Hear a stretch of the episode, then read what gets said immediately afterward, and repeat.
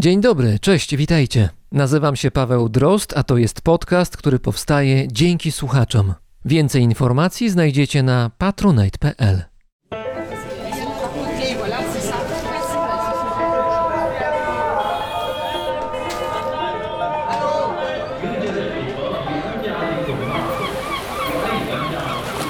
Brzmienie świata z lotu Drozda.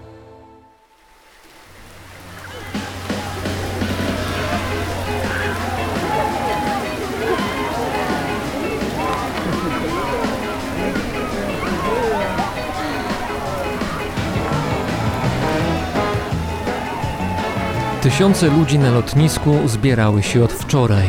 Dźwięki donośnej muzyki roznosiły się po okolicy, a w powietrzu unosił się słodkawy zapach palonej marihuany. Nieprzebrane tłumy oczekiwały na postać, która wydawała się legendą, a jednak za chwilę zobaczą ją na własne oczy. Patrzyli w niebo, wypatrując samolotu. Czekali w deszczu, gdy w końcu go zobaczyli. Biały samolot etiopskich linii lotniczych z zielono-żółto-czerwonym ogonem wylądował na lotnisku, a wtedy deszcz przestał padać. To musiał być boski znak. Był 21 kwietnia 1966 roku.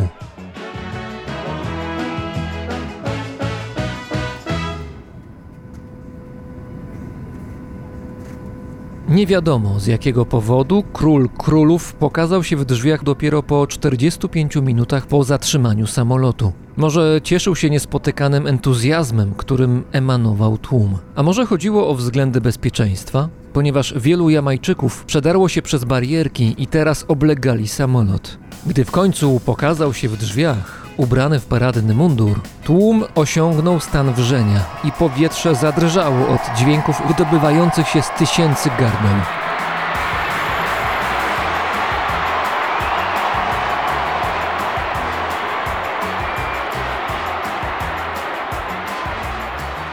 Cesarz gestem próbował uspokoić zgromadzonych, ale ludzie, widząc Boga, tracili nad sobą panowanie. Wiwatowali, krzyczeli, niektórzy płakali.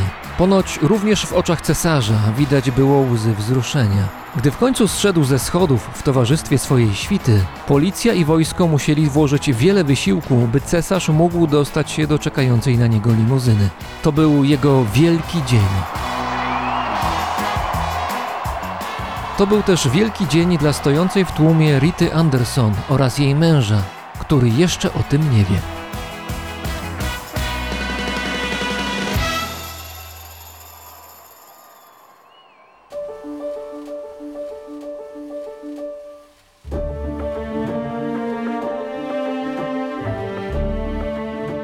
Dla Europejczyków Jamajka zaczęła istnieć w 1492 roku za sprawą Krzysztofa Kolumba i jego wyprawy. Wyspę zamieszkiwali wtedy Tainowie, którzy zasiedlali również inne części Karaibów, m.in. Haiti i Kubę. W ciągu kilkudziesięciu lat zostali zdominowani przez białych przybyszów. Wielu zmarło na przywiezione z Europy nieznane wcześniej choroby. Ślady wielowiekowej kultury Tainów można znaleźć w postaci malunków na ścianach jamańskich jaskiń oraz w języku. Słowa takie jak hamak czy huragan, a także Jamajka najprawdopodobniej pochodzą z języka używanego właśnie przez Tainów. Z racji swojego umiejscowienia na mapie Karaibów, Jamajka okazała się znakomitym punktem pośrednim na trasie kursujących przez Atlantyk europejskich statków. Cenne ładunki okrętów doprowadziły później do rozwoju piractwa, które miało na Jamajce swoje ważne ośrodki. Wyspa służyła kolonialnym władzom nie tylko jako port. Stanowiła też bardzo intratne źródło dochodów. Jamajska ziemia nie kryła w sobie złota, ale mogła rodzić, dlatego stała się ośrodkiem rolniczym. Na wyspie stworzono m.in. duże plantacje trzciny cukrowej. Trudna i niewdzięczna praca wymagała siły roboczej, a ta dostarczana była statkami z Afryki. Ocenia się, że do zniesienia niewolnictwa w 1838 roku na Jamajce żyły prawie 2 miliony niewolników. Ich pracę wykorzystywali najpierw Hiszpanie, a od 1655 roku Brytyjczycy. Ci z niewolników, którzy zdołali uciec, szukali schronienia w trudno dostępnych rejonach wyspy, gdzie dominowały lasy i góry. Z czasem było ich tak wielu, że razem z niedobitkami tajnów zaczęli organizować się w zwarte społeczności. Zwano ich Maronami. Z czasem dysponowali na tyle dużą siłą, że stali się zagrożeniem dla Brytyjczyków, co doprowadziło do dwóch wojen. Mimo zniesienia niewolnictwa, potomkowie afrykańskich niewolników traktowani byli jak obywatele drugiej kategorii. Na przełomie XIX i XX wieku świadomi sytuacji Jamajczycy coraz częściej dopominali się należnych im praw. Jednym z nich był Marcus Garvey. Był to urodzony pod koniec XIX wieku aktywista polityczny, zwolennik czarnego nacjonalizmu oraz czarnej czystości rasowej. Wspierał ruch powrotu do Afryki, a więc wyjazdu potomków niewolników do swoich dawnych ojczyzn. Garvey był aktywny na Jamajce, w Stanach Zjednoczonych oraz w Wielkiej Brytanii. Będąc katolikiem, nawoływał do zmienionej formy chrześcijaństwa, w centrum którego znajdowała się Afryka, a Jezus czy Maryja przedstawiani byli jako osoby czarnoskóre. Myślenie tymi kategoriami w połączeniu z mistycyzmem i nową interpretacją Biblii doprowadziło do narodzin ruchu Rastafari.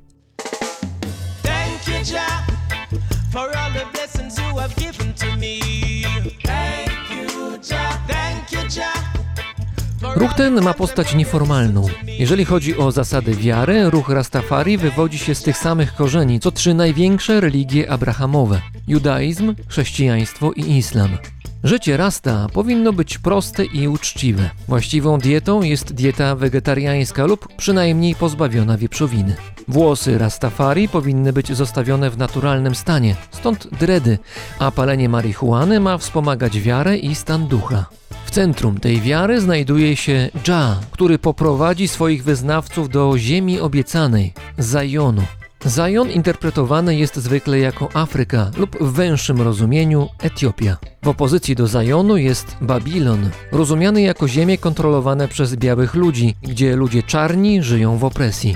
Dża sprawi, że świat stanie się sprawiedliwy i pozbawiony podziałów na ludzi gorszych i lepszych. Prawą ręką Dża, bądź też jego wcieleniem lub Mesjaszem, miał być Haile Selassie I. Thank you, Jah, for all the nights and when nobody was there. Thank you, Jah. And I thank you, Jah, for all the lonely days when nobody cared. We thank you. Haile Selassie I od lat 30. XX wieku był cesarzem Etiopii. Nowy władca, zwany też królem królów, twierdził, że jest bezpośrednim potomkiem biblijnych władców, w tym króla Salomona. Część Jamajczyków, wywodzących się z biednych, pozbawionych perspektyw środowisk, dokonała własnej interpretacji Biblii oraz słów Markusa Garveya. Wynikało z niej, że koronacja czarnego cesarza w Afryce jest znakiem od niebios. Uznali go nie tylko za swojego przywódcę, lecz także za Boga. Jeden z cesarskich tytułów, który nosił Haile Selassie I brzmiał Ras Tafari i to od tych słów wzięła się nazwa ruchu Rastafari. Haile Selassie I nie dementował swojego boskiego pochodzenia. Próbował za to przyciągnąć ruch Rastafari do etiopskiego kościoła ortodoksyjnego.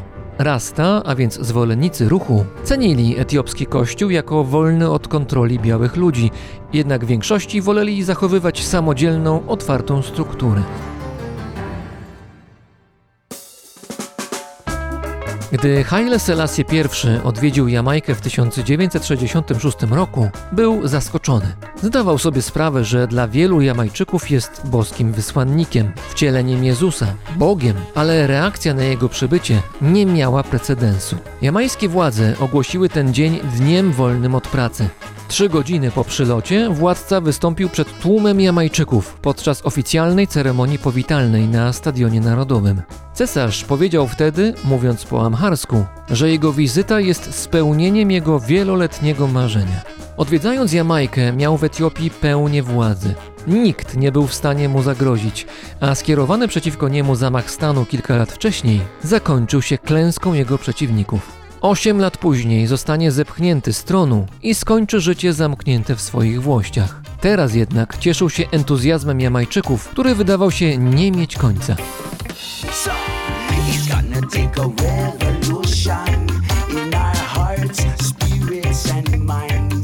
W tłumie wiwatujących na lotnisku była 20-letnia Rita Anderson. Cesarz wywarł na niej tak duże wrażenie, że całkowicie oddała się ruchowi Rastafari. Jej płomienna wiara wpłynęła również na poglądy jej męża, Boba, Boba Marleya.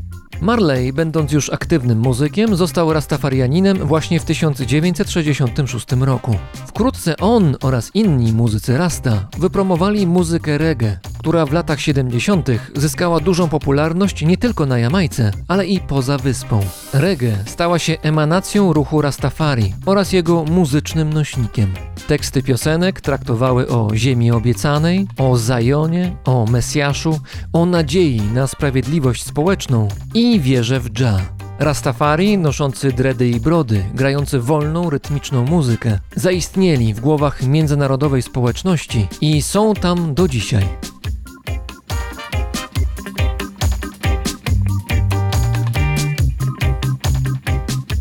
Mimo, że Haile Selassie I należy do przeszłości, Jamajka wciąż ma bezpośredni związek z królem, chociaż królem innego kraju. Głową państwa jest osoba zasiadająca na brytyjskim tronie. Obecnie jest nią król Karol III. Jednak Jamajka planuje wkrótce referendum, w którym obywatele zadecydują, czy chcą zmianę państwa w republikę i czy chcą ostatecznie zerwać z kolonialną przeszłością. Na taki ruch w zeszłym roku zdecydowała się inna była brytyjska kolonia Barbados. Czy tą samą drogą pójdzie również Australia? O tym usłyszycie w tym odcinku. I'm a proud black, younger boy with the killer flow. Listen to the Iraqi, listen to it blow. For the boys, younger boys, all the way from Anam land. Now I go in the Jannah, Buddha, Jitinara, Yungo Balanda, Bungulgo. Tumur Irangan Yamarchigo. Napukajate, Naputo, Ripuko, Walla Manguchi, Margamana Pamir, Ripu, Ripu, Mexico. Babu Ina Marchingan Yago. Triggers mind blown, surviving mode, human brain, greatest weapon in the globe. Child sustain, education, knowledge is order, standing on everyone's shoulders. Teaching yourself as you get older and older.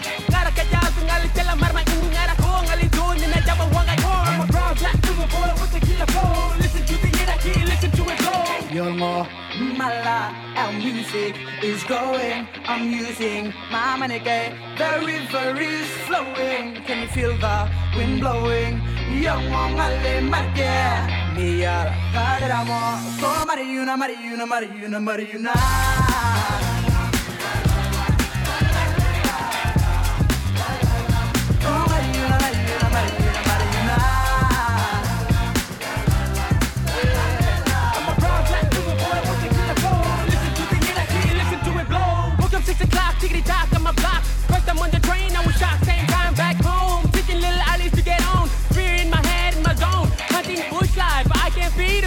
This is Yungo, way of freedom. City lights, the sound, too much in my mind, but the quiet, the nature sound. I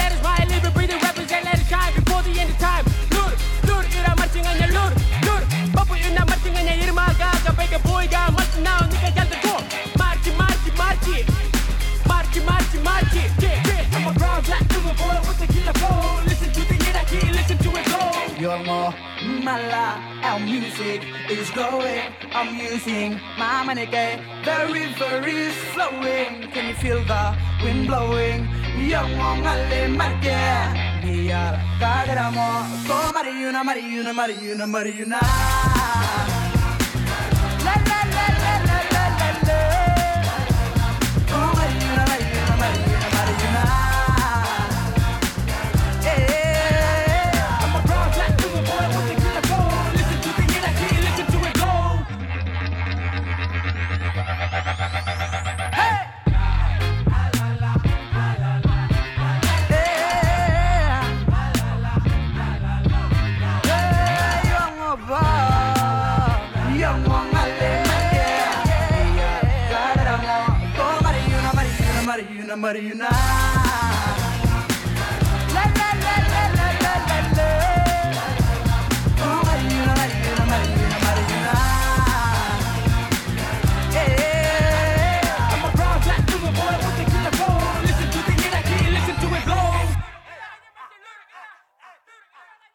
Kiedy kilka dni temu brytyjska królowa Elżbieta II zakończyła życie w wieku 96 lat, media zostały zdominowane przez informacje o tym zdarzeniu.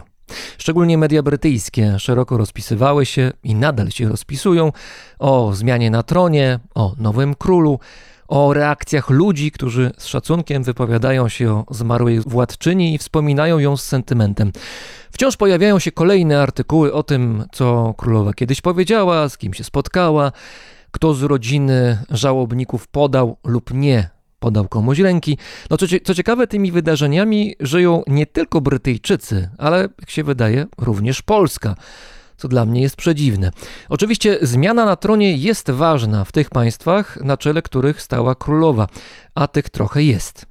Elżbieta II pełniła obowiązki królowej od 1952 roku. Od tego czasu w sumie zasiadała na tronie ponad 30 krajów na kilku kontynentach. To w ramach tzw. Królestwa Wspólnotowego, znanego bardziej pod hasłem Commonwealth. Do czasów obecnych rządziła kilkunastoma państwami, od wysp na Karaibach przez Kanadę po Nową Zelandię i Australię. I w Australii teraz się zatrzymamy.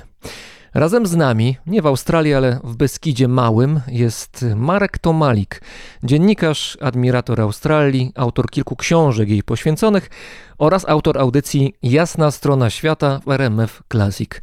Dzień dobry, cześć. Cześć Pawle. Z tego co czytałem, Australia zareagowała na ostatnie wydarzenia na brytyjskim tronie niejednoznacznie. Z jednej strony jest oddanie szacunku królowej, ale z drugiej strony pojawiają się nawoływania do zerwania z przeszłością. Czas zrobić Australii republikę, mówią niektórzy. Co więcej, wśród australijskich aborygenów pojawiają się głosy, że właściwie oni nie mają powodu, by dobrze wspominać Elżbietę II, ponieważ dla nich jest symbolem opresji. Tak, ta właśnie miła starsza pani, którą pamiętamy z uśmiechów i charakterystycznych kapeluszy.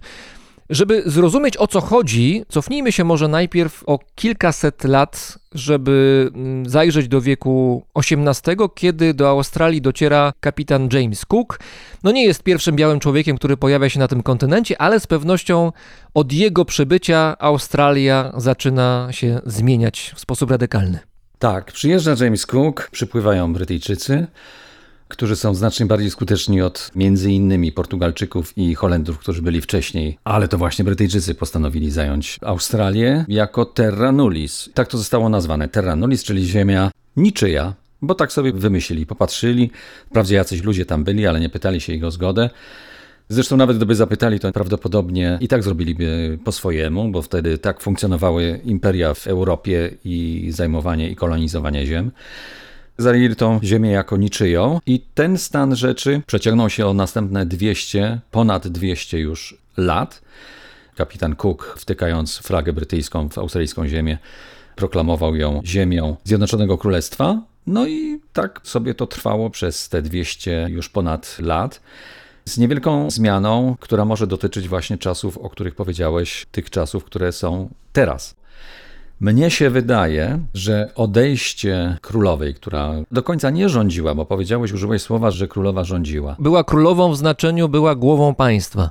była głową państwa, więc to są troszkę różne rzeczy, dlatego że w Australii ta głowa państwa w sensie politycznym, czyli sprawczym, czyli wpływu na pewne decyzje, był znikomy albo powiedzieć w ogóle niewielki, czy w ogóle żadny. A wiesz, ile głów królowej znajduje się w Australii z całą pewnością? Mam na myśli tutaj monety, bo sprawdziłem. Około 15 miliardów australijskich monet zawiera wizerunek królowej, więc głowa państwa znajdowała się 15 miliardów razy właśnie na tych monetach, więc miała też bezpośredni wpływ, no, pośredni, bezpośredni na życie codzienne Australijczyków, kiedy dokonywali zakupów. na postrzeganie resztek imperium, czyli rodziny królewskiej, zdecydowanie tak. Zresztą powiem szczerze, że ja mogę Brytyjczykom i ich sprawności marketingowej, czy PR-owej, politycznej PR-owej pozazdrościć, dlatego że byt, który oni wyprodukowali przez lata, no jawi się tak, jak się jawi, że nawet w Polsce my się tym przejmujemy, zachwycamy się postacią królowej, Piszemy o niej i jej śmierć przyniosła lawinę wręcz w internecie, czy we wszystkich w ogóle środkach masowego przekazu informacji na ten temat, jakby to była nasza królowa, jakby nasz król ostatni. Jakby ktoś odszedł nam bliski. Ja nawet byłem bardzo zaskoczony, no bo z jednej strony to jest kwestia tego, jak na przykład Polacy reagują na to i polskie media, ale z drugiej strony też Brytyjczycy starają się kreować właśnie taki odbiór na zewnątrz, bo pamiętam i to zrobiło na mnie wielkie wrażenie, jak nowa premier Wielkiej Brytanii, Liz Truss, powiedziała, że w momencie, kiedy królowa zmarła, cała Wielka Brytania była w szoku i uwaga, cały świat. Cały świat wstrzymał oddech, bo brytyjska królowa odeszła. Ale dlaczego ma ten cały świat wstrzymywać oddech? Z jakiego powodu? Ano z takiego powodu, że oni te 200 lat temu, a jeszcze 100, władali trzema czwartymi części świata i myśleli, że i nadal myślą, że pewne pozostałości takiego myślenia, że język angielski, który jest językiem światowym, to też się nie wzięło znikąd. No to jest tak naprawdę mały kraj wyspiarski, Anglia, którego język i którego kultura tak naprawdę, to nawet jeszcze silniej kultura niż język, rozeszły się po całym świecie i ten imperializm, my sobie nie zdajemy sprawy, że jest ciągle obecny, chociaż w samej Wielkiej Brytanii to jest schyłkowa historia i myślę, że o tyle ważna jest ta data odejścia królowej Elżbiety II, że naprawdę kończy się moim zdaniem jakaś epoka. Ten mit wielkiego kiedyś imperium brytyjskiego gruchnie z łoskotem. Nie wydaje mi się, żeby następca tronu, Karol III, był w stanie utrzymać z różnych zresztą względów to, co udało się Elżbiecie. To taki efekt chyba kuli śniegowej, że ona poprzez swoją klasę, którą niewątpliwie posiadała, poprzez to znakomite działanie politycznych PR-owców, które od lat miało takie, a nie inne noszenie i, w samej Australii, tak jak powiedziałeś o monetach, to celna bardzo uwaga, że oni poprzez no, codzienność, czyli te monety, byli z tym obrazem królowej oswojeni. I ja pamiętam, że jak wielokrotnie jeździłem, tam rozmawialiśmy, różne tematy się pojawiały. I powiedzieli mi kiedyś, że słuchaj, no ty możesz tutaj wyskoczyć w jakimś Hyde Parku albo gdziekolwiek i powiedzieć najgorsze rzeczy na premiera, ale nie waż się powiedzieć na królową, bo to będzie kosztowało cię bardzo, bardzo wiele. Więc to była absolutnie persona, której nie można było krytycznie, nawet w jakiś delikatny sposób, bo nie spotkałoby się to z dobrym przyjęciem, a nawet z jakimś tam działaniem represyjnym, które mogłoby się skończyć jakimś procesem, no nie wiem, czym tam więcej. Pytałeś o aborygenów. W pragmatycznie myślącym, mimo wszystko konserwatywnym społeczeństwie australijskim, bo Australia jest pochodną Wielkiej Brytanii, a Wielka Brytania była zawsze konserwatywna i nadal jest to aborygeni oni są z tego konserwatyzmu trochę zwolnieni, no bo mają swoje patrzenie, mają swoje priorytety i oni słusznie oczywiście uważają, że ona jest spadkobiercą represyjnego imperializmu, który doprowadził do takiej sytuacji 200 lat temu i przez te 200 lat, jak to wszystko trwa, jak Anglicy tam przyjechali, czy Brytyjczycy po dzień dzisiejszy i na pewno nie są zachwyceni postacią królowej, chociaż ona tak jak powiedzieliśmy to wcześniej, PR-owo była bardzo dobrze, że tak powiem, zadomowiona także w Australii, a może, może nawet przede wszystkim w Australii. Porozmawiamy może o tym, jaka jest Australia w kontekście brytyjskim. No bo powiedziałeś wcześniej, że Australijczycy są jakoś spadkobiercami brytyjskiej przeszłości, ale minęło już trochę lat. Na ile Australia jest australijska, a na ile jest brytyjska? Co czyni Australię australijską? Czy tutaj jakoś wyraźnie da się zauważyć linię podziału pomiędzy Europą, właśnie Australią jako taką? Przy czym nie mam na myśli oczywiście takich kwestii jak na przykład kwestie językowe, gdzie są jakieś poszczególne słowa, czy sformułowania, czy akcenty, które zwracają uwagę, ok, ten człowiek jest z Australii, ten jest, nie wiem, z Londynu na przykład. Czy coś jest więcej tutaj? No podejrzewam, że tak, ale co to jest? Ja bym powiedział, że coś jest mniej i z roku na rok o. jest coraz mniej brytyjskości w Australii. Jest to podyktowane różnymi historiami, ale ta najsilniejsza to jest związana z niesłabnącą migracją głównie z Indii i z Chin, gdzie to społeczeństwo, które jest postbrytyjskie, jest coraz, coraz mocniej rozwodnione poprzez właśnie napływ tych emigrantów z Chin i z Indii i w ogóle z Azji Południowo-Wschodniej, czy nawet z naszego obszaru, tutaj Europy Środkowej, czy z Ameryki Południowej, tam może trochę mniej, ale głównie to jest Azja. Więc ta brytyjskość jest już mocno, bym powiedział, wątpliwa i za niedługo będzie na pewno kwestionowana. Ja tutaj podam taki przykład. W 2019 roku, w październiku, końcem października, byłem przy tych słynnych apostołach między Adelaidą a Melbourne.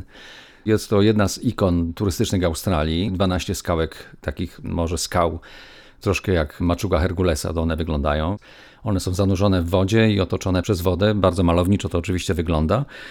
One są na przestrzeni tam kilku ładnych kilometrów, kilkunastu nawet. Niektóre są z tarasami widokowymi, więc można podejść. Nigdy się nie zobaczy w całości wszystkich, no chyba, że ktoś by z lotu ptaka próbował to zobaczyć. No ale jest parę miejsc takich pięknie, że tak powiem, przygotowanych do obserwacji. Było 12 tych skałek na początku, w tej chwili już jest 11, bo jedna runęła.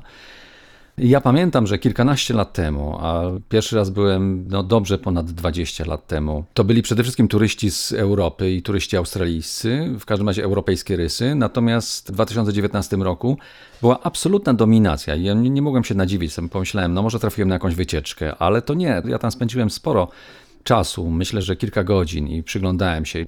Jest absolutna dominacja ludzi z Azji, i myślę, że po większej części to byli obywatele australijscy, więc to jest proces, który jest niezwykle gwałtowny. Warto też wiedzieć, że Sydney, które jest takim od zawsze miastem, jeżeli chodzi o politykę, jeżeli chodzi o to swoje położenie, o tą swoją sławę, najbardziej kojarzone z Australią, to ponad połowa Sydneyczyków urodziła się poza Australią, więc to jest niesłychanie młode społeczeństwo, które posiada wręcz wulkaniczną energię, a ta wulkaniczna energia jest żądna różnych zmian. Nawet w tak konserwatywnym kraju, jakim jest ta postbrytyjska Australia. Więc te zmiany na pewno nadejdą. Warto przypomnieć, że w 1999 roku była pierwsza próba pozbycia się monarchijskości, że się tak wyrażę, czyli ustanowienia Australii republiką, która by już nie miała nic wspólnego z brytyjską monarchią.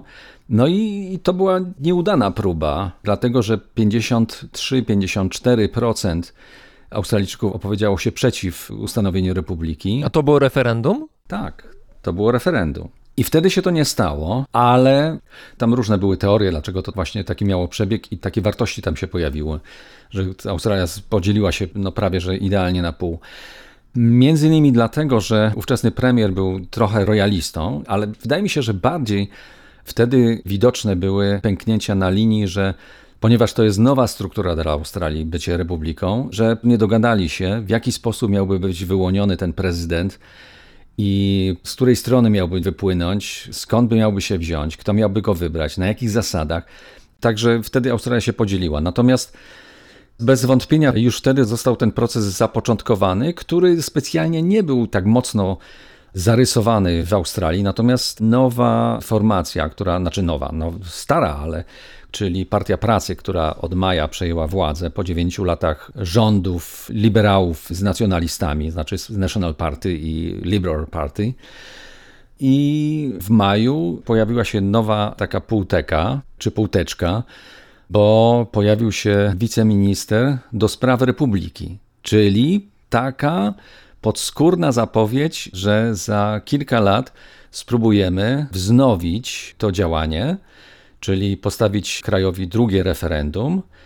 No i taką właśnie cezurą, i to już było zapowiadane między innymi przez byłego premiera Malcolma Turnbulla, który powiedział, że po zakończeniu rządów Elżbiety II może dojść do rozpisania kolejnego referendum korespondencyjnego, w którym mieszkańcy kraju wypowiedzieliby się na temat zmiany formy rządów, właśnie z monarchii na republikę. Więc myślę, że to w tym kierunku w tej chwili, ale niespiesznie będzie zmierzać. Nie wiem, czy wiesz, kim w Australii jest człowiek, który się nazywa David Harley. Czy słyszałeś kiedyś o takim człowieku? Nie, najprędzej z motocyklem bym to kojarzył. Nie. E, słuchaj, no to jest emerytowany australijski generał. Teoretycznie to jest druga najważniejsza osoba w państwie, ponieważ w Australii ów David Harley jest zastępcą głowy państwa. Głową państwa aktualnie jest Karol III, wcześniej Elżbieta II, królowa Wielkiej Brytanii, a David Harley pełni funkcję gubernatora generalnego który jest zastępcą właśnie królowej, a teraz króla. Więc e, jakiś człowiek, o którym nikt nie słyszał, formalnie jest drugim po Bogu niemal. I tak, i nie. Pamiętam, że jak zwiedzałem i Melbourne, i Perth, pokazywali mi, że tutaj mieszka gubernator, bo każdy stan ma takiego swojego gubernatora. I opowiadali mi, że to jest taka trochę fikcyjna postać, ale nie do końca fikcyjna, dlatego że rzeczywiście to jest namiestnik monarchii na ziemi australijskiej. Mieszka w szacownej, przebogatej rezydencji, no i pilnuje takiego haraczu, który Australia musi płacić Wielkiej Brytanii Podobno to nie są jakieś wielkie pieniądze, no ale ciągle są i ciągle ta królowa, obecnie król, są tą głową państwa w Australii. Natomiast taki szary obywatel w Australii, myślę, że na skutek tego, co już powiedziałem, czyli tego rozwodnienia brytyjskości poprzez napływ emigrantów z Azji, głównie z Azji, ale też nie są specjalnie przejęci. No ja może powiem rzecz taką, która nie jest zbyt popularna, ale która jest oczywista i która gdzieś tam wychodzi między wierszami, jak się troszeczkę dłużej usiądzie i porozmawia na te tematy, to Australijczycy mogą zdradzić taką tajemnicę, że tak naprawdę to oni najbardziej nie lubią właśnie Brytyjczyków. Ale zaraz, zaraz, no to jest jakaś schizofrenia w takim razie. Z jednej strony fajnie być częścią Commonwealth, fajnie nawiązywać do przeszłości europejskiej, do brytyjskości, a z drugiej strony odcinamy się od tego i pokazujemy, że jesteśmy osobni, no to jak to rozumieć? Myślę, że to już nie dzieje się na poziomie monarchii, czy tych powiedzmy takich najbardziej poważnych struktur państwowych, tylko na poziomie takim ludzkim. Ponieważ Australijczycy często nazywają Anglików Bloody English Poms, czyli hmm, to jest takie odwrócenie kota do góry ogonem, dlatego że English Pom to jest Prisoner of Majesty, czyli to jest więzień królowej. W opinii, że tak powiem, międzynarodowej, także w Polsce funkcjonującej, bo ja się z tym wielokrotnie spotykałem, to wszyscy mówią, no tak, no ale to przecież ci ludzie w tej Australii, oni są potomkami więźniów. A ja mówię, to jest daleko nie tak, dlatego że rzeczywiście tak się zaczęło od kolonii karnych, ale kolejne statki, które przypływały, przywoziły po prostu już wolnych osadników. Australia jest zbudowana głównie z wolnych osadników, którzy pojechali tam za chlebem, za łatwiejszym, przyjemniejszym y, Za życiem. złotem też, prawda? Oczywiście, że za złotem w pewnym momencie, jak złoto zostało odnalezione, zresztą w sposób naukowy przez Polaka, było mi przyjemnie poprowadzić wyprawę w 2004 roku śladami Pawła Edmunda Strzeleckiego, bo to on właśnie odkrył w sensie naukowym złoto w Australii. To byli nie tylko więźniowie, więc dla Australijczyków to jest niezwykle, uważam, krzywdzące nazywanie ich więźniami Mości Królowej, czyli Prisoner of Majesty. I tak Australijczycy nazywają Anglików, którzy przyjeżdżają, odwracając jak gdyby kota do góry ogonem, Bloody English Poms.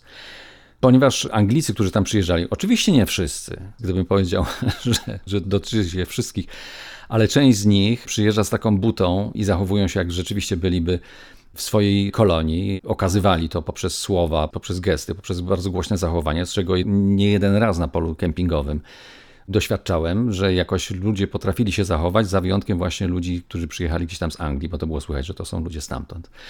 Więc coś na rzeczy jest, więc dlatego się ich nie lubi. Ale to jak mówię, to są różne poziomy tych samych spraw, podobnych jak gdyby odniesień, natomiast ta strefa imperialna to ma swoje noszenie, a taka ogólnoludzka, no, o której powiedziałem teraz, o tym Bloody English Bombsach, to jest zupełnie coś innego. I w zasadzie to jest jedyna taka nacja, do której Australijczycy są bardzo, o nich się mówi open and friendly. I rzeczywiście tak jest, ciągle tak jest. Mam nadzieję, że tak długo zostanie że oni są otwarci i przyjaźnie nastawieni. I jedyna właśnie nacja, która bym powiedział, no nie do końca mieści się w tym zbiorze, to są właśnie Brytyjczycy. Powiedziałeś o tym, że się zmienia demografia Australii i to jest fakt, bo rzeczywiście liczby o tym wskazują. Zresztą imigranci z Chin nawet pewne problemy robią, bo to jest, jak mówią niektórzy australijscy analitycy, to jest taka piąta kolumna chińska w Australii, ale to jest inny wątek na inną rozmowę może. Natomiast ja bym chciał powiedzieć, jaki jest mój stereotyp Australijczyka, jakbyś się mógł do tego odnieść, jak daleko mojemu stereotypowi do prawdy lub do nieprawdy. Ja sobie wyobrażam Australijczyka takiego stereotypowego, który mieszka gdzieś daleko od miast, ma farmę czy rancho wielkie jak pół województwa w Polsce, ma tam, nie wiem, krowy, czasami przebiegną kangury, jakiś pies dingo jest goniony przez pomocników tegoż właściciela rancha, no bo pies dingo jest szkodnikiem z punktu widzenia rolnika.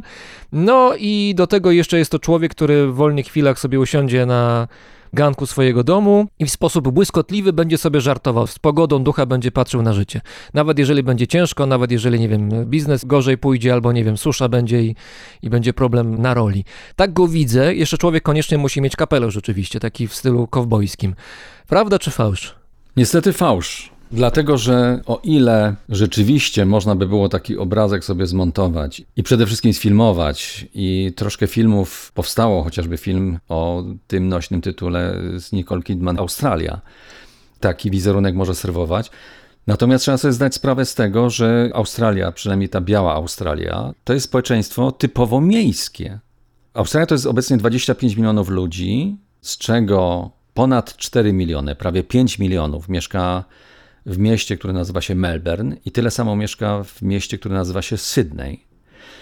To, o czym ty mówisz, to jest obszar z prowincji, która niekoniecznie jest daleko w przypadku i Melbourne i Sydney, dlatego że farmy znajdują się może 200, może 300 kilometrów od miast, już zaczynają się farmy i takie obrazki można byłoby tam obserwować. Natomiast to nie jest dominujący obszar Australii. Dominujący obszar Australii, ten obszar powiedzmy społeczeństwa australijskiego, o którym rozmawiamy, które ciągle dojrzewa do tego, czym jest Australijczyk, czym jest Australia jako kraj, to się odbywa w miastach. Definitywnie. Ta prowincja tylko zabezpiecza, że tak powiem, jedzenie i papu i zabezpiecza ten bezpieczny mit, na którym jest budowana pewna część australijskiej tożsamości. Tak jak Wielka Brytania zbudowała właśnie mit swój w oparciu o wielkie imperium, które władało prawie całym światem w XIX wieku i w XVIII, na tej rodzinie królewskiej, ten kapitalny PR, to w Australii też się próbuje szukać od lat zresztą tej tożsamości i to jest coś, z czym my nie mamy problemów, dlatego że my mamy tysiąc lat w Polsce historii, takiej lub innej, można kwestionować to, co się działo, natomiast to jest lepiszcze, te tysiąc lat, ten powiew też potęgi za Coś, co zupełnie nie istnieje w przypadku Australii, która ma 200 lat, więc ona też musi na czymś zbudować to swoją tożsamość. I częścią tej tożsamości, tak jak powiedziałeś, no może być obraz człowieka, który jest w kapeluszu i na tej farmie, ale to nie jest prawdziwe, dlatego że Ci ludzie, którzy pracują na farmach, oni pracują tam, ja to wielokrotnie miałem okazję oglądać, bo nie jedną farmę przejechałem. Te farmy są niekiedy bardzo wielkie, ekstensywne. Największa z nich, Anna Creek, jest wielkości Belgii czy Albanii i to jest jeden organizm. I tam jest ciężka praca i to jest jeszcze powiązane z wielką niepewnością, szczególnie w obecnych czasach, kiedy susze są tak dotkliwe. Ja pamiętam, że kręcąc misję Martynę, to było no lat temu już ładnych kilka, żeby nie powiedzieć kilkanaście. Byliśmy na farmie niedaleko Cooper PD w Australii Południowej, tutaj mówię o stanie, Australia Południowa. I wtedy ta farma już tak lekko zgrzytała, bo tam rozmawiałem poza kadrami filmowymi z właścicielami, opowiadali mi o swoich bolączkach, że nie mają swoich następców i tak dalej.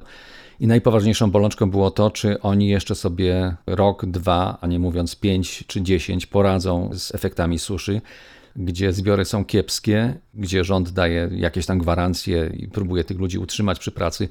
Oni nie przetrwali. I wydaje mi się, że takich farm z tego obrazka prowincjonalnej Australii, na której miałaby być zbudowana ta tożsamość, nie do końca się to uda, dlatego że te farmy padają, są wykupywane właśnie przez bogatych już Chińczyków, obywateli tego kraju. Także to jest kraj, który się niesłychanie szybko zmienia.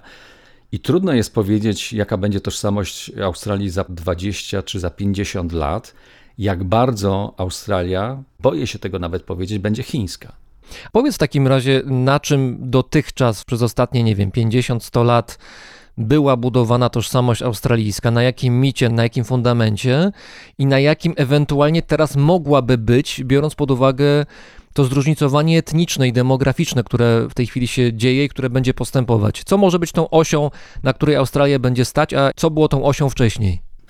No tą osią wcześniej to było to, co ty powiedziałeś, dlatego że mają kogoś takiego jak, on się nazywa Banjo Peterson, odpowiednik naszego Mickiewicza, który stworzył taki mit, który się nazywa A Man from a Snowy River.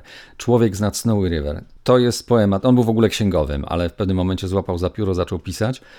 I zaczął pisać poematy i stworzył właśnie tego słynnego człowieka z nad rzeki Snowy River, która wypływa zresztą spod najwyższej góry, czyli spod góry Kościuszki w Australii pięknie sfilmowana wielokrotnie. W jednym filmie Kirk Douglas grał, w późniejszej adaptacji filmowej były przepiękne, wręcz ikoniczne zdjęcia koni i co te konie potrafią i jak można sfilmować w ogóle konie. Więc wokół tego właśnie dzieła Banjo Petersona i podobnych historii, czyli o tych, których wspomniałeś wcześniej, bez wątpienia była budowana tożsamość Australii. Tutaj jest taki wizerunek, taki obraz australijskiej wersji człowieka zdobywcy z dzikiego zachodu. Mówię teraz o micie, który mają Amerykanie z kolei w Ameryce Północnej, to znaczy takiego osadnika, który wbrew przeciwnościom, zawziętego, który jest odważny, nieustraszony i pewny swego, on zdobywa nowe tereny i na tym jest zbudowana Ameryka. Czy można taki mit zauważyć w Australii właśnie w oparciu o ten poemat? No zdecydowanie tak. Natomiast tak zastanowiłem się nad tym i tak mi się wydaje, że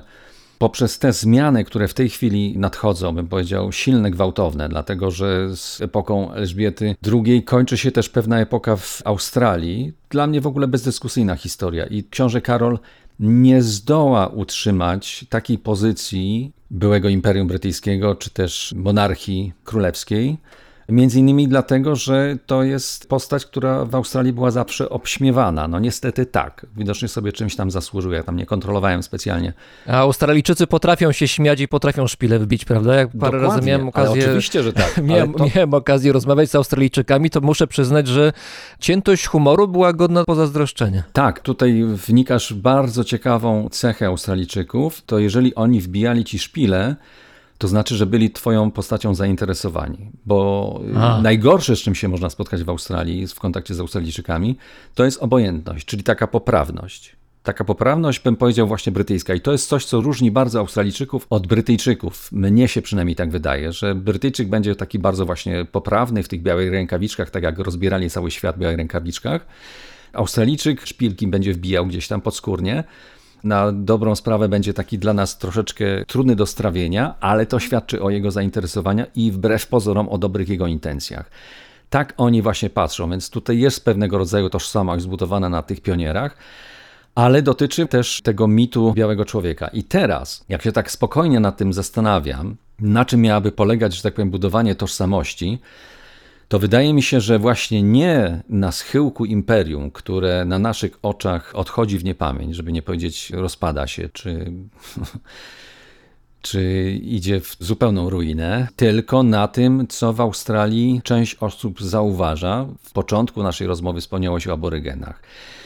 To jest największy, wydaje mi się, potencjał Australii, który jest do zagospodarowania ciągle jeszcze z wielkim trudem, dlatego że w społeczeństwie australijskim dominuje właśnie to terra nullis, czyli ziemia niczyja, wchodzimy, zajmujemy i tak naprawdę eksterminujemy tych brytyjskich białych rękawiczkach, eksterminujemy aborygenów, bo to miało miejsce przez 200 lat ponad i dalej ma to miejsce, choćby mentalnie, może już nie przy użyciu broni czy też radykalnych działań typu wysiedlenia. Na ten temat mogę mówić długo, bo dosyć sporą wiedzę w tym temacie mam, bo się mocno tym interesuję, ale skracając bardziej, że tak powiem, mentalnie, więc ta pozostałość w umysłach tych białych Australijczyków, przynajmniej tych jeszcze myślących właśnie tak nie azjatycko, tylko brytyjsko, jest zdecydowanie niesprzyjający aborygenom. Natomiast wśród tej społeczności jest też świeży powiew i on jest od kilkunastu lat i wiąże się ten powiew z dniem 26 stycznia, który się nazywa Australia Day, czyli odpowiednik naszego 11 listopada, święto narodowe, które wiąże się oczywiście z przybyciem floty i założeniem tam państwa, proklamowaniem brytyjskości na ziemiach australijskich, co jest kwestionowane przez aborygenów i tego dnia właśnie w różnych miejscach w Australii, głównie właśnie w Canberrze pod parlamentem, w Sydney, w Melbourne, w tych największych miastach australijskich, są organizowane pikiety, które są do tego święta nastawione anty. I co jest ciekawe, że z roku na rok one rosną w siłę, w ilość uczestników, czyli zmienia się powoli, ale zmienia się sposób myślenia tych białych, jeszcze pro-brytyjskich Australijczyków, gdzie zauważają, że ta klęska aborygenów, do której doprowadziło działanie monarchii brytyjskiej, że aborygeni mogą mieć i mają, i moim zdaniem w 100% mają słuszność, że oni kwestionują to święto. Niektórzy twierdzą, że to święto zostanie po jakimś tam czasie przeniesione na inny dzień i kojarzone zupełnie z innym wydarzeniem. Biorąc pod uwagę, że ten konserwatyzm brytyjski jest jeszcze bardzo silny w Australii, ja tego prędko nie widzę. Natomiast rozwój sytuacji jest dosyć ciekawy i gwałtowny, bo tak jak wspomniałem wcześniej, coraz więcej, coraz szerzej się o tym mówi, coraz więcej jest spektakli na najlepszych scenach w Australii, które są zanurzone właśnie w tą mroczną część Australii, gdzie dochodziło do tej eksterminacji ludności aborygeńskiej. Innymi słowy, Australia wydaje mi się, że coraz mocniej zaczyna się identyfikować z tą aborygeńską, z tą najbardziej prawdziwą Australią. Ja nawet gdzieś spotkałem taką opinię, czy taki rodzaj wezwania białego Australijczyka. Nie wiem, czy to był polityk, czy jakiś aktywista, no jakaś osoba publiczna, który to człowiek nawołuje do tego, żeby skorzystać z tej okazji, że no, królowa odeszła, zrobić republikę, ale żeby właśnie zrobić ją na fundamencie porozumienia pewnej umowy, czy nie wiem, zgody pomiędzy białymi potomkami Brytyjczyków, którzy zasiedlili Australię, a właśnie australijskimi aborygenami, żeby na tym budować przyszłość, na tym budować ten nowy kraj, który ma powstać. Tak, i można na to spojrzeć i z tej strony, natomiast ja nie wiem, czy przeciągający się w czasie proces asymilacji tej aborygeńskiej Australii nie zostanie storpedowany przez zupełnie inne myślenie, które nadchodzi, czy nadeszło, bo to już jest czas dokonany, nadeszło z falą emigracji z Azji, gdzie może jeszcze jakieś pojęcie mają o tej brytyjskości, o tej strukturze monarchii, dawnego imperium, natomiast nie mają zupełnie pojęcia o tych rdzennych historiach, które są w Australii ciągle w jakiś sposób mimo wszystko żywe, obecne i na których można by było zbudować tożsamość. Więc ja nie wiem, czy tutaj nie dojdzie do takiego zderzenia, że ta fala potopu azjatyckiego, ja wiem, że to są mocne słowa, ale ja to tak widzę, czy ona nie nadejdzie wcześniej niż się Australijczycy obudzą, że mają coś, na czym rzeczywiście mogliby zbudować swoją tożsamość właśnie w oparciu o kulturę, bo na czym się buduje tożsamość? No buduje się właśnie na spadku po kulturze. A tutaj jest coś, co jest unikalne w skali świata, dlatego że to jest kultura, która liczy sobie 80 tysięcy lat. Nieprzerwana kultura, dogorywająca w obecnych czasach, ale nieprzerwana kultura od 80 tysięcy lat. W żadnym innym miejscu na świecie coś takiego nie ma. Powiedziałem chwilę temu, że część przynajmniej aborygenów, australijskich aborygenów kojarzyło królową Elżbietę II i Wielką Brytanię jako opresorów. No i można pomyśleć sobie, no dobra, no ileż można żywić urazę, 100, 200 lat, ale właściwie to nie jest tak daleka historia, nie tylko tak daleka historia, bo pewne rzeczy, nazwijmy to delikatnie negatywne w stosunku do australijskich aborygenów działy się nie tak wcale dawno. Ja widziałem film dokumentalny, w którym wykorzystano nagrania z końca lat 40. ubiegłego wieku i widać na tym filmie fragmenty takiego materiału filmowego, gdzie wycinane są drzewa z terenów zasiedlonych przez Kamilaroi. To jest jeden z najliczniejszych australijskich narodów aborygeńskich. On chyba jest w centralnej części, wydaje mi się, Australii, ale to nie mam pewności. W każdym razie rzecz jest w tym, że te drzewa liczyły sobie co najmniej kilkaset lat i nosiły na sobie rzeźbienia, które z kolei miały bardzo długą historię i te drzewa miały status drzew świętych, były bardzo, bardzo, bardzo istotne dla lokalnej społeczności aborygeńskiej. Mimo tego zostały wycięte przez pewnego przedsiębiorcę, białego Australijczyka, który po prostu te drzewa sprzedał. Niektóre trafiły jako drewno drewno, a inne trafiły do muzeów, do jakichś prywatnych kolekcji, nie tylko w Australii, ale również za granicą. I współcześnie, to jakiś rok temu mniej więcej te nagrania zostały odnalezione, przedstawiciele tego narodu aborygeńskiego Kamilaroi starają się odzyskać te drzewa, to znaczy to drewno, na którym widać wciąż te rzeźbienia, bo wciąż te okazy są gdzieś wystawiane właśnie w muzeach, czy to w Australii, w Melbourne, czy w jakichś innych miejscach, czy nawet w Europie. No i ci aborygeni uważają, że to było skradzione, chcemy to odzyskać. Więc no, widać, że to nie jest historia zamierzchła, tylko to jest historia wciąż żywa. Ci ludzie tym żyją i cały czas odczuwają skutki tego, co się wydarzyło w niedalekiej przecież przeszłości. Oczywiście, że to jest żywe, oczywiście, że tym żyją. I ten film, teraz jak opowiadałeś o nim, przypomniałem sobie, oglądałem ten film. Temat był wielokrotnie poruszany. Oni mają kompletnie inne spojrzenie na rzeczywistość, bym powiedział, bardziej wnikliwe i bardziej pozbawione fantazji, która nas doprowadziła jako cywilizację do tego, w czym jesteśmy. I to jest oczywiście rozmowa na osobny temat, w czym jesteśmy, ale mniej więcej wiemy, w czym jesteśmy i wiemy, że nam się to nie podoba. A tam w Australii jest jeszcze to, mówię o aborygenach, to zespolenie z naturą i spojrzenie bardziej trzeźwe które jest związane bezpośrednio z ich światem takim metafizycznym, my byśmy to nazwali religijnym. Jest, bym powiedział, ponad wszystko. Na początku lat 70. Werner Herzog, twórca znakomitych filmów fabularnych, ale też dokumentalnych, zrobił film, gdzie zielone mrówki śnią, który opowiada o takiej sytuacji, gdzie ma powstać przedsiębiorstwo, które będzie eksploatować tereny pod ziemią, bo tam są ukryte takie czy inne rudy żelaza. O tym też warto teraz, wydaje mi się, w czasie tej naszej rozmowy porozmawiać. I przychodzą aborygeni i mówią, że oni nie chcą, żeby te ziemie zostały rozkopane tymi koparkami, rozjechane, dlatego że to jest miejsce święte. To jest miejsce, gdzie zielone mrówki śnią. Większość z nas, nie znając się na tej metafizyce aborygeńskiej, na ich religii, która, może nie wszyscy wiedzą, została uznana już w latach 60. XX wieku za jedną z najsilniejszych na świecie, Wydaje mi się, że to są jakieś mrzonki, jakieś bzdury albo co najmniej żart. Natomiast oni do tego podchodzą i to w tym filmie jest bardzo pięknie pokazane. Film jest stary. Że to jest w ogóle esencja ich życia, że jeżeli ktoś im rozgrzebie tą ziemię, to pogrzebie ten ich mit. To tak jakby z czym to można porównać? No, że jakieś wielkie, potężne koparki jadą do Windsoru i równają go z ziemią. Myślę, że to jest adekwatne porównanie. Warto chyba czasami odwrócić trochę sytuacji i zobaczyć, jak my byśmy zareagowali, albo jak nasza część kultury by zareagowała, gdyby doświadczyła podobnego, trzeba to chyba nazwać gwałtem właśnie. No tak, absolutnie to jest gwałt.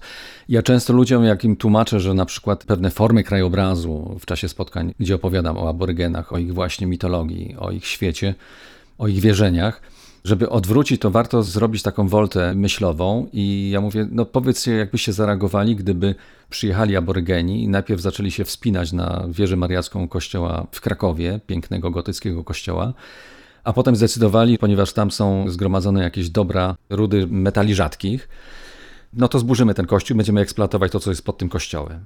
Albo zburzyć Wawel, bo pod spodem też coś się znajduje i trzeba no to tak, wykopać. To są dla nas ikony. I my, wychowani w takiej, a nie innej kulturze, nie zdajemy sobie sprawy, że ludzie mogą o podobnych rzeczach, bo mimo wszystko ludzie są podobnie zbudowani i mają potrzebę, że tak powiem, mitu i pielęgnowania tego mitu ale w różny sposób ten mit może być wyrażony. Może być wyrażony poprzez Wawel czy przez Kościół Mariacki w Krakowie przy rynku, ale może być też wyrażony poprzez górę, która z naszego punktu widzenia nie ma nic, ewentualnie jakiś estetyczny tylko krajobraz stanowi, a z punktu widzenia aborygenów jest świętą górą, tak jak dla nas Wawel czy ten Kościół Mariacki czy Windsor. Zostawmy na chwilkę aborygenów australijskich. Ja bym chciał porozmawiać o tym, jak ślad kolonizacji brytyjskiej wciąż jest odczuwalny bardzo wyraźnie i korony brytyjskiej jest bardzo odczuwalny w Australii. Tutaj mam na myśli podział administracyjny tego kraju, tego kontynentu, bo bodaj w 1901 roku, czy rok wcześniej, już nie pamiętam w tej chwili, nastąpiło zjednoczenie części australijskich ze sobą. Wtedy powstał Związek Australijski, czyli właściwie coś na kształt współczesnej Australii, bo wcześniej to było kilka, jak nie kilkanaście terytoriów, które rządziły się jakoś samodzielnie. To były osobne kolonie, które miały osobne jestestwo, działały niezależnie od siebie, czasami nawet się nie lubiły. I dopiero właśnie te 120 lat temu doszło do zjednoczenia. To wcale nie tak dawna historia. Moje pytanie brzmi, na ile ten podział dalej jest w ludzkich głowach? To znaczy, na ile terytoria północne są takie same jak Australia Zachodnia, na ile Nowa Południowa Walia ma coś wspólnego z terytoriami stołecznymi albo nie wiem, z Tasmanią na przykład. I tu nie pytam o kwestie geograficzno-biologiczne, no bo wiadomo, że to są różne rejony pod tym względem, ale chodzi mi bardziej o to, jak ludzie, jeżeli w ogóle, różnią się między sobą, będąc w różnych częściach Australii. To jest nie tylko w głowie. Te zaszłości, o których powiedziałeś, że były to osobne byty, to pozostało po dzień dzisiejszy i doskonale to wyeksponowała pandemia, kiedy każdy ze stanów posiadający własny parlament, tych stanów jest siedem, i ma swój własny rząd, ma swojego premiera, który może decydować w ramach tego swojego terytorium i nie zgadzać się z rządem federalnym, który jest w Canberrze, który jest jak gdyby nad tym wszystkim. I do tego właśnie doszło w czasie pandemii, kiedy ta władza, możemy powiedzieć, że w wielu wypadkach, szczególnie w wypadku Wiktorii, czyli Melbourne, ale też Nowej Południowej Walii, ale też Queensland, gdzie Palaszczuk, pani premier o polsko brzmiącym nazwisku, pozamykała Queensland i pomimo tego, że były naciski z zewnątrz, czyli naciski rządu federalnego, nie chciała otworzyć granic Queensland i długo to trwało. Warto powiedzieć, że już teraz nie pamiętam, ale w latach 70. dopiero XX wieku tory kolejowe, szerokość tych torów kolejowych została ujednolicona w całej Australii. Do lat 70. były różne szerokości torów w Nowej Południowej Walii i Wiktorii, czyli między tymi dwoma największymi i liczebnie, i w sensie powiedzmy ważności w Australii, czyli Melbourne i Sydney, Nie zdajemy sobie z tego sprawy, ale tak było. To tak jak różnica torów między Polską a Ukrainą, Rosją i tak dalej. Mało tego, dochodziło do takiej historii, nie wiem czy tak dalej jest, ale matura zdana w jednym stanie niekoniecznie oznacza swoją ważność w innym stanie. Różnice były w prawie drogowym i nadal są. W terytorium północnym, czyli tam, gdzie stolicą jest Darwin, nie ma ograniczenia prędkości tego maksymalnego. Tam, jak ktoś ma maszynę, która będzie potrafiła jechać 250 km na godzinę, to tam się będzie mógł rozpędzić i nie zapłaci mandatu. I we wszystkich innych stanach jest 110 km na godzinę. Tych różnic można by było znaleźć znacznie, znacznie więcej. I one mają też reperkusję dotyczącą tego, co się stało z aborygenami, dlatego że te granice zostały wprowadzone taką no, kreską i linijką. Jak popatrzymy sobie na przynajmniej część granic, owszem, część biegnie jakimiś tam rzekami i to jeszcze przypomina powiedzmy takie nieregularne kształty granic, które my znamy z Europy, ale część, jak Australia na przykład zachodnia, ktoś kreskę postawił na południku jakimś tam i powiedział: OK, to tutaj jest granica stanu. A to, że ta kreska tnie jakąś krainę geograficzną, jakiś kraj aborygeński, bo takimi kategoriami tutaj powinniśmy rozmawiać, na dwie części. Jedna część znajduje się w innym stanie z innym prawem, druga część znajduje się w innym stanie zupełnie innym prawem albo trochę innym prawem. To ma wpływ na te lokalne społeczności, które tam są i na tworzone tam gminy aborygeńskie, na przesiedlenia i tak dalej. To wprowadziło niesamowity galimatias, ale wtedy człowiek brytyjski, człowiek monarszy się tym po prostu nie przejmował. To była terra nullis i wymagała podzielenia takiego, a, nie innego. No i to mamy konsekwencje tego do dnia dzisiejszego. Także różnice są. Te różnice są jeszcze podbijane obecnie poprzez na przykład sport. Najpopularniejszym sportem w Australii jest, tam są trzy różne dyscypliny podobne do siebie, ale jednym słowem, żeby zamknąć sprawę i nie rozwijać, czym się różnią, to powiem, to jest rugby. Ci, którzy kibicują oczywiście z Queensland, no to uważają, że ci z Sydney to są tacy troszkę, że tak powiem, niedorobieni. Ci z Sydney, tych swoich kibiców czy antykibiców po drugiej stronie, czyli z Queensland, uważają za zginaczy bananów, banana benders. To pewnie słyszałeś, że tak ich nazywają. No bo banany się rodzą, bo banany się rodzą jak turecki półksiężyc. No a w marketach niektórych przynajmniej to mamy bardziej wyprostowane, więc ktoś to musi robić, więc to robią właśnie te głupole z Queensland. Powiedz mi, czy ten dowcip jest australijski, bo mam takie wrażenie, że jest. To znaczy z tymi, z tymi zginaczami bananów? Chodzi mi o charakter. Tak, tak, tak, tak, tak. Jeżeli chodzi o charakter, taką złośliwość, bo to wysokich lotów dowcip nie jest, bo to jest takie bardziej tępe i dosadne i krzywdzące. Tak, to jest bardzo australijskie. Czy ja dobrze kojarzę, że to, że Australia ma stolicę w Canberrze, czyli w mieście takim powiedzmy, no nie do końca charakterystycznym i wybitnym, to jest wynik pewnych animozji pomiędzy Melbourne a Sydney, prawda? Pomiędzy tymi dwoma miastami, które były reprezentantami dwóch części tych australijskich regionów. I żeby zrobić rodzaj kompromisu, wymyślono coś pomiędzy nimi, czyli Canberra. No tak, nawet nie animozji. Tutaj chodziło o walkę o supremację. Gdzie ma być stolica? Czy Sydney, czy Melbourne? Obydwa wielkie, potężne ośrodki, które między sobą, z racji tego, że były dwa, a nie jeden, i to dosyć blisko siebie, były mocno skłócone, dlatego wymyślono sztuczny twór, który moim zdaniem do dnia dzisiejszego jest mocno taki sztuczny, czyli Canberra. Canberra z języka aborygeńskiego tutaj już wtedy zadziałało coś takiego, że nazwano to w jednym z języków aborygeńskich, to jest miejsce spotkań. Miasto, które zostało zaprojektowane przez amerykańskiego architekta, takiego przestrzennego Griffitha i on od samego początku do samego końca zaprojektował w środku niczego miasto. No i ono powstało. Niewielkie, wielkości Bielska Białej miasto, może trochę większe, z niewysokimi, bo my jesteśmy przyzwyczajeni, że te metropolie, a także a może nawet przede wszystkim w Australii, no to mają te swoje drapacze chmur, może nie tak wielkie jak w Chicago, ale wielkie, potężne, pnące się do góry budynki, te skyscrapers, których nie zobaczymy w Canberrze. Tam wszystko się ucina gdzieś na dziesiątym piętrze maksymalnie, wydaje mi się. Nigdy tego nie liczyłem. I to jest taka, bym powiedział, sympatyczna, większa wioska z pięknym i zjawiskowym parlamentem, po którego dachu możemy chodzić, bo tam trawa rośnie świetnie zaprojektowanym, który wytrzymał próbę czasów, bo na początku XX wieku został zaprojektowany i parlament, i całe miasto. Natomiast wydaje się to po dzień dzisiejszy na wskroś inne, dziwne, no może bym zaryzykował nawet słowo nowoczesne. Wspomniałeś wcześniej, że rudy żelaza czy złoża realnie mają wpływ na życie australijskich aborygenów. No i domyślam się, że chodzi o wysiedlenia, o których też wspomniałeś wcześniej, ale jak to działa w praktyce? No bo wiemy, że w ziemi australijskiej są różne dobra, którymi ludzie są zainteresowani, no właśnie złoża ród żelaza, ale też jest węgiel, prawda? Oczywiście, że tak. Są rudy żelaza, jest węgiel, jest gaz ziemny, który jest eksportowany. Z tego co wiem, to także do Polski, zresztą węgiel też. Coraz ważniejsze surowce, biorąc pod uwagę sytuację. Tak. Natomiast trzeba sobie zdać sprawę z jednego, że Australia to jest pod względem gospodarki trochę jak Rosja, to znaczy kraj, który żyje z kopalin.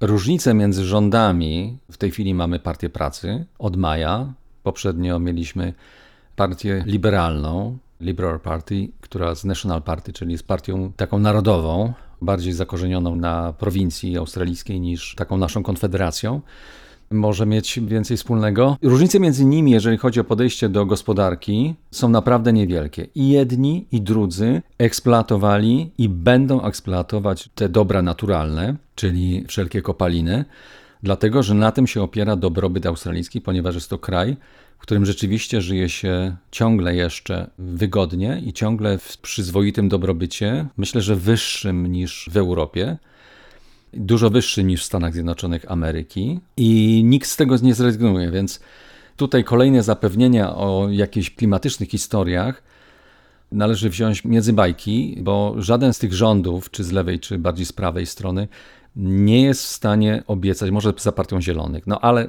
Partia Zielonych w Australii to jest niewielka, marginalna partia, która tak naprawdę może sobie, że tak powiem, pokrzyczeć, natomiast nie ma powszechnie takiego poziomu świadomości, żeby zamiast na Partię Pracy i Partię Liberałów zaczęli głosować y, bardzo mocno na Partię Zielonych. Musiałoby się coś rzeczywiście bardzo mocno wydarzyć. Nawet te pożary w 2019 roku, oprócz tego, że były oczywiście protesty i tak dalej, ale nie zmieniły politycznie tego stanu rzeczy czyli Australia będzie dalej eksploatować swoje złoża, ponieważ no, z tego żyje. Mogłaby żyć z innych rzeczy, ale przyjęli sobie już wiele, wiele lat temu, wiele dekad temu taką politykę, że będą eksploatować proste surowce, więc poza niewielkimi wyjątkami, na przykład w Australii nie ma hut.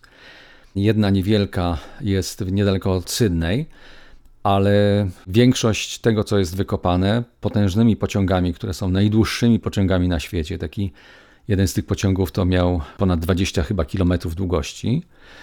To zmierza do portu i jest eksportowane głównie na rynki azjatyckie, czyli do Chin i do Indii, i tam powstają, z tej rudy australijskiej powstają potężne y, miasta z wielkimi drapaczami chmur. No i to się raczej ma nie zmienić, więc będą dalej kopać w ziemi, dalej ją orać, dalej eksploatować i duszę, i ziemię pradawnych aborygenów, a aborygeni będą coraz słabsi i duchowo, i materialnie. Ale może właśnie to jest ten moment dla aborygenów, żeby korzystając ze zmiany na tronie brytyjskim, trochę głośniej zamanifestować swoje stanowisko i głośniej zawalczyć o swoje prawa, słuszne prawa.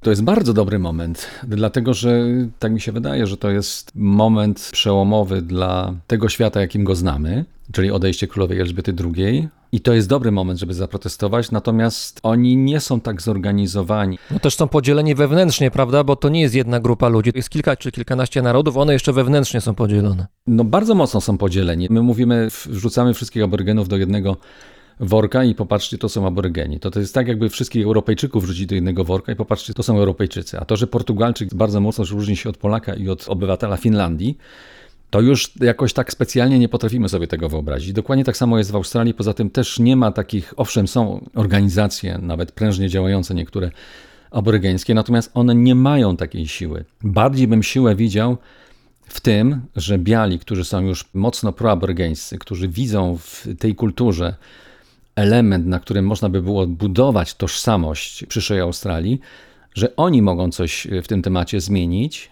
i tu się może coś zadziać, niż że dokonają tego sami aborygeni. W to bym raczej nie wierzył, bo oni, oni myślą zupełnie ciągle jeszcze, tak powiem, w inny sposób i działają, że tak powiem, jakby na przetrwanie, a jednocześnie gasną przy tym wszystkim. Taka jest przynajmniej moja ocena tego, co się tam dzieje, dlatego że w tych społecznościach aborygeńskich nie dzieje się dobrze i na pewno nie dzieje się lepiej w stosunku do tego, co było powiedzmy lat temu kilkanaście, dwadzieścia czy pięćdziesiąt parę. Więc ta sytuacja jest tutaj skomplikowana. I na to wszystko nakłada się, tak jak już powiedziałem wcześniej, ta bardzo silna, bym powiedział nawet lawina emigracji z Azji, która w ciągu jednej, dwóch dekad może to wszystko zmieść. Tymczasem według planów oficjalnych y, już w przyszłym roku w australijskich portfelach mają się pojawić nie wiem czy banknoty, ale zdaje się, że monety na pewno z wizerunkiem nowego króla Karola III, który będzie formalnie do odwołania głową państwa australijskiego. Bardzo dziękuję. Razem z nami w Beskidzie Małym, w miłym miejscu był Marek Tomalik, dziennikarz, wielbiciel Australii, autor audycji Jasna Strona Świata w RMF Classic. Ja też dziękuję za zaproszenie i za to, że mogłem się podzielić tym, co wiem, albo tym, czego nie wiem. Wszystkiego dobrego.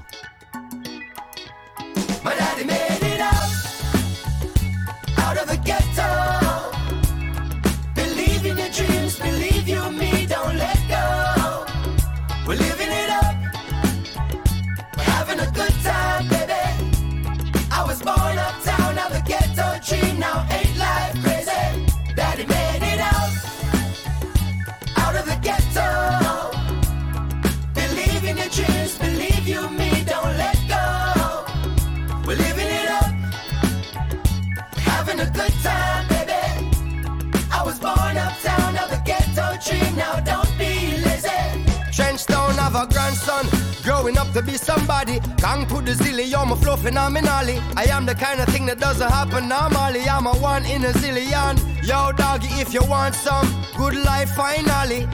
Perhaps change your nighttime hobby.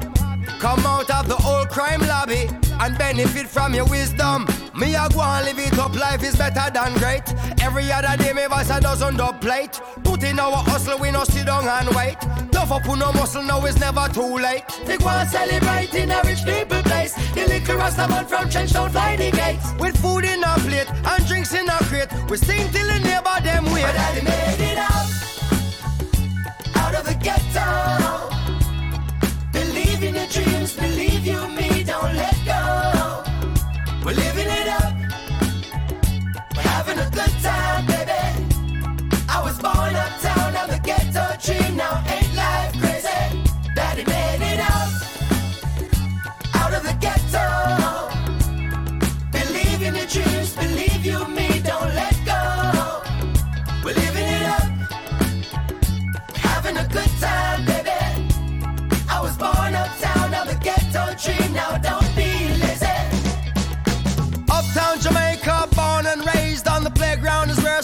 most of my days.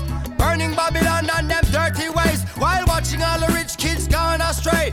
Uptown Jamaica, born and raised on the playground is where I spent most of my days. Big city life, Kingston and Mopey. And if you think me sell out, tell them ain't no way. So, live it up, Trenchtown to Rima, Riverton, Southside to Jungle, Sherlock, Garden to Spanglers, Pineland, Three Mile to Back to Portmore, Seaview, Spanish Town, Nine Mile, Brownstown to Flankers, Falmouth, West Side, Orange Hill.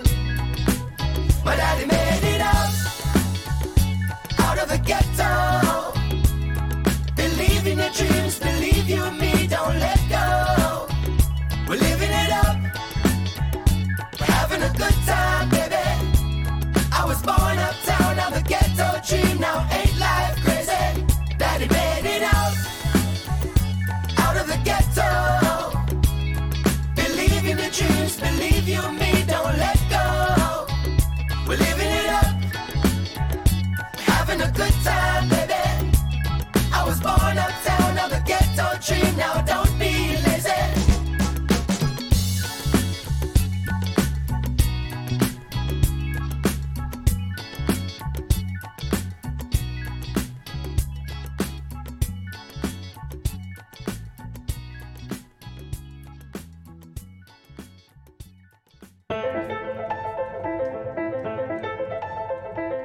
To był 122 odcinek Brzmienia Świata. Hojność wszystkich patronów i patronek sprawia, że w każdą sobotę mogę zaprezentować Wam nowy odcinek audycji, która istnieje już 2,5 roku. Zbiórka na Patronite trwa i można dołączyć do niej w każdej chwili, do czego zachęcam. Jestem wdzięczny za każdą wpłatę. Specjalne podziękowania kieruję do światoczułego patrona brzmienia świata, firmy Ergo Ubezpieczenia Podróży.